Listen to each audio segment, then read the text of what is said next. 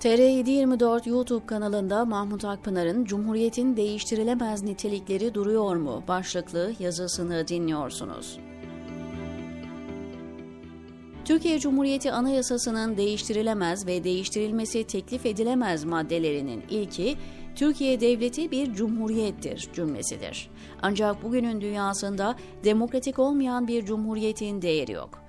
Mesela dünyanın en totaliter baskıcı rejimlerinden birisi olan Çin'de cumhuriyet. Mesela Kaddafi'nin Libya'sı da bir cumhuriyetti. Mesela Esedli Suriye bir Arap cumhuriyeti. Tıpkı bizim Türk Cumhuriyeti olmamız gibi. Diktatörlerce yönetilen otoriter rejimlerin çoğu kendisini cumhuriyet olarak tanımlıyor. Güya halka dayalı, cumhurdan güç alan rejim olarak takdim ediyorlar kendilerini. Ama bu rejimlerin çoğu gerçekte halk düşmanı. Kendi halklarını süründüren, işkenceden geçiren hatta öldüren rejimler. Demokrasinin gelişim serüveninde cumhuriyet geride kalmış bir durak.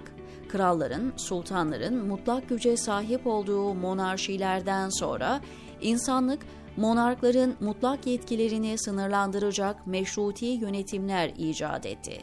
İngiltere'de 1215'te yapılan kralın mutlak yetkisini yasalarla, parlamentoyla sınırlama işi bizde 1876 yılında denendi, başarılamadı.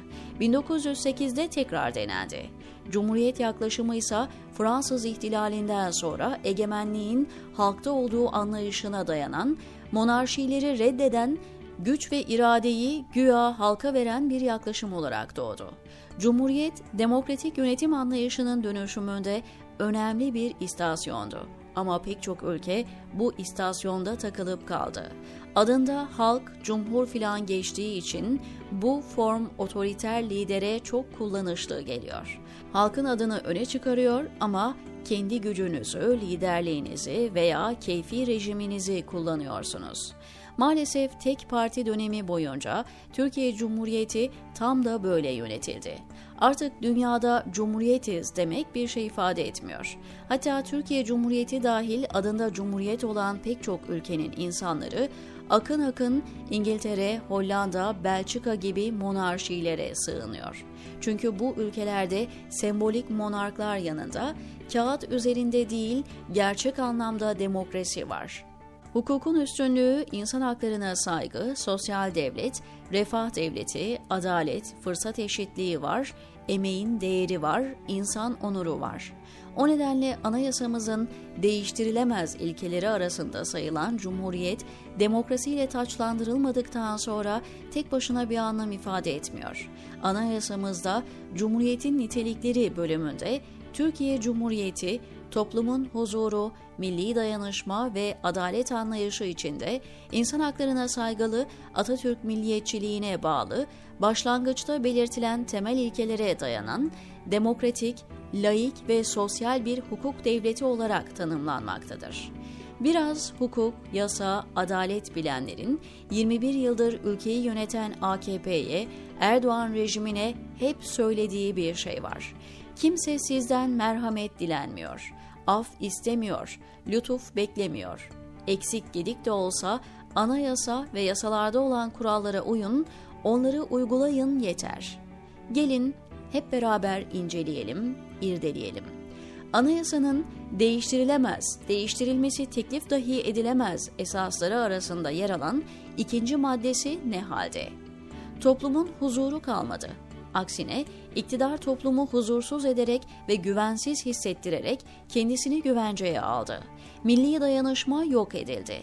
Milleti oluşturan toplumsal unsurlar lime lime ayrıştırıldı ve birbirine hiç olmadığı kadar düşman edildi. Ülkenin toplumsal birliğini ve bütünlüğünü sağlaması gereken Cumhurbaşkanı bizzat kendisi toplumu bölüyor, etiketliyor, milletin bir kesimini meydanlarda yuhalatıyor.'' Adaletin ne durumda olduğunu konuşmaya bile gerek yok. Yargı, siyasetin köpeği haline getirildi. Savcılar, mahkemeler iktidar için muhalifleri cezalandırmaya, korkutmaya, biat etmeye yarayan sopaya dönüştürüldü. İhtişamlı adalet saraylarımız yığınla yargıcımız var. Mahkemelerin hepsinde adalet mülkün temelidir yazıyor ama Artık mevcut adalet işleyişi mülkün yani devletin ve toplumsal barışın temellerini dinamitleyen siyasi araç.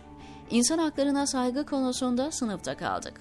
Avrupa İnsan Hakları Mahkemesi'ne göre insan hakkı ihlallerinde Türkiye ilk sıraya yerleşti. Kendi anayasa ve yasalarına uymaksızın yaşlılardan bebeklere kadar eziyet eden bir yönetim var. Atatürk milliyetçiliği anayasamızdaki en absürt maddelerden birisi. Kemalist Mümtaz Soysal bile 100 soruda Anayasa isimli kitabında bir kişi adına nasıl bir milliyetçilik olabilir diye bu durumu sorgulamıştı. Gelelim sürekli tekrar edilen ama içi boşaltılmış, topluma değeri ve önemi anlatılmamış eğitim sisteminde Mustafa Kemal'in şahsına verilen önemin onda biri bile yer bulamayan demokratik, laik, sosyal bir hukuk devleti olma meselesine. Türkiye'nin demokratik bir devlet olmadığı, demokrasinin kırıntısının artık mikroskopla görülebildiği herkese ayan, sandık var diye demokrasinin olduğuna inanmamızı bekliyorlar. Her türlü dümen dubaranın çevrildiği sandığın ve YSK sonuçlarının doğruluğuna ikna olmamızı istiyorlar. Demokrasi sandık koymak olsaydı bütün diktatörler demokrasi olurdu. Türkmenistan'dan İran'a, Kuzey Kore'ye kadar her yerde sandık var. Anayasanın değiştirilemez esaslarından bir diğeri de laiklik. Bence de gerçek anlamda laiklik önemli ama dün Kemalist rejime payanda olan, bugün Erdoğan'ın tepe tepe kullandığı Diyanet'in laiklikle nasıl bağdaştığını kimse sorgulamıyor.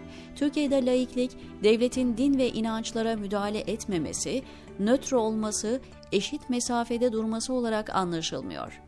Aksine devleti yönetenler Diyaneti, camileri ve devletten maaş alan imamları dilediği şekilde kullanabiliyor. Camilerde siyasi propaganda yapan AKP ile dini bir figürmüş gibi dualarda Mustafa Kemal'in anılması için zorlayan laiklik anlayışı farklı değildir. Diyanet tek parti döneminde kuruldu ve Kemalistlerin asr-ı saadeti sayılan o dönemde de benzer misyonu eda ediyordu. Keza sosyal devleti de AKP bütünüyle bitirdi gelir dağılımında dünyanın en dengesiz ülkelerinden birisi Türkiye. Sosyal adalet diye bir şey kalmadı. Alt gelir grubu açlık, sefalet içindeyken üst gelir grubu servetine servet katıyor. İşsizlik zirvede. Asgari ücretse açlık sınırının bile altında kalıyor. AKP rejimi kendi siyasi görüşünden olmayan emeklilerin maaşını bile kesti anayasal bir hak olan çalışma hakkını idari karar olan KHK'larla yok edip milyonları yokluğa, yoksulluğa mahkum etti, aç bıraktı. Hukuk devleti de değiştirilemez esaslardan birisi. Halbuki Türkiye'nin hukuk devleti olduğunu kim söyleyebilir? Şu anda Türkiye kanun devleti bile değil. Ne kadar demokratik ve hukuka uygun olduğu tartışılabilecek yasaları bile dikkate almayan keyfi bir yönetim var ülkede.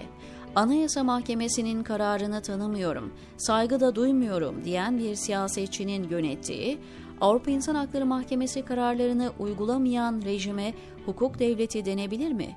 Gördüğümüz üzere anayasada değiştirilemez, değiştirilmesi teklif dahi edilemez denilen esasların hepsi değişmiş, hepsinin içi boşaltılmış. Şimdilik değişmeyen veya değişmediği sanılan ülkenin dili, bayrağı ve başkenti var.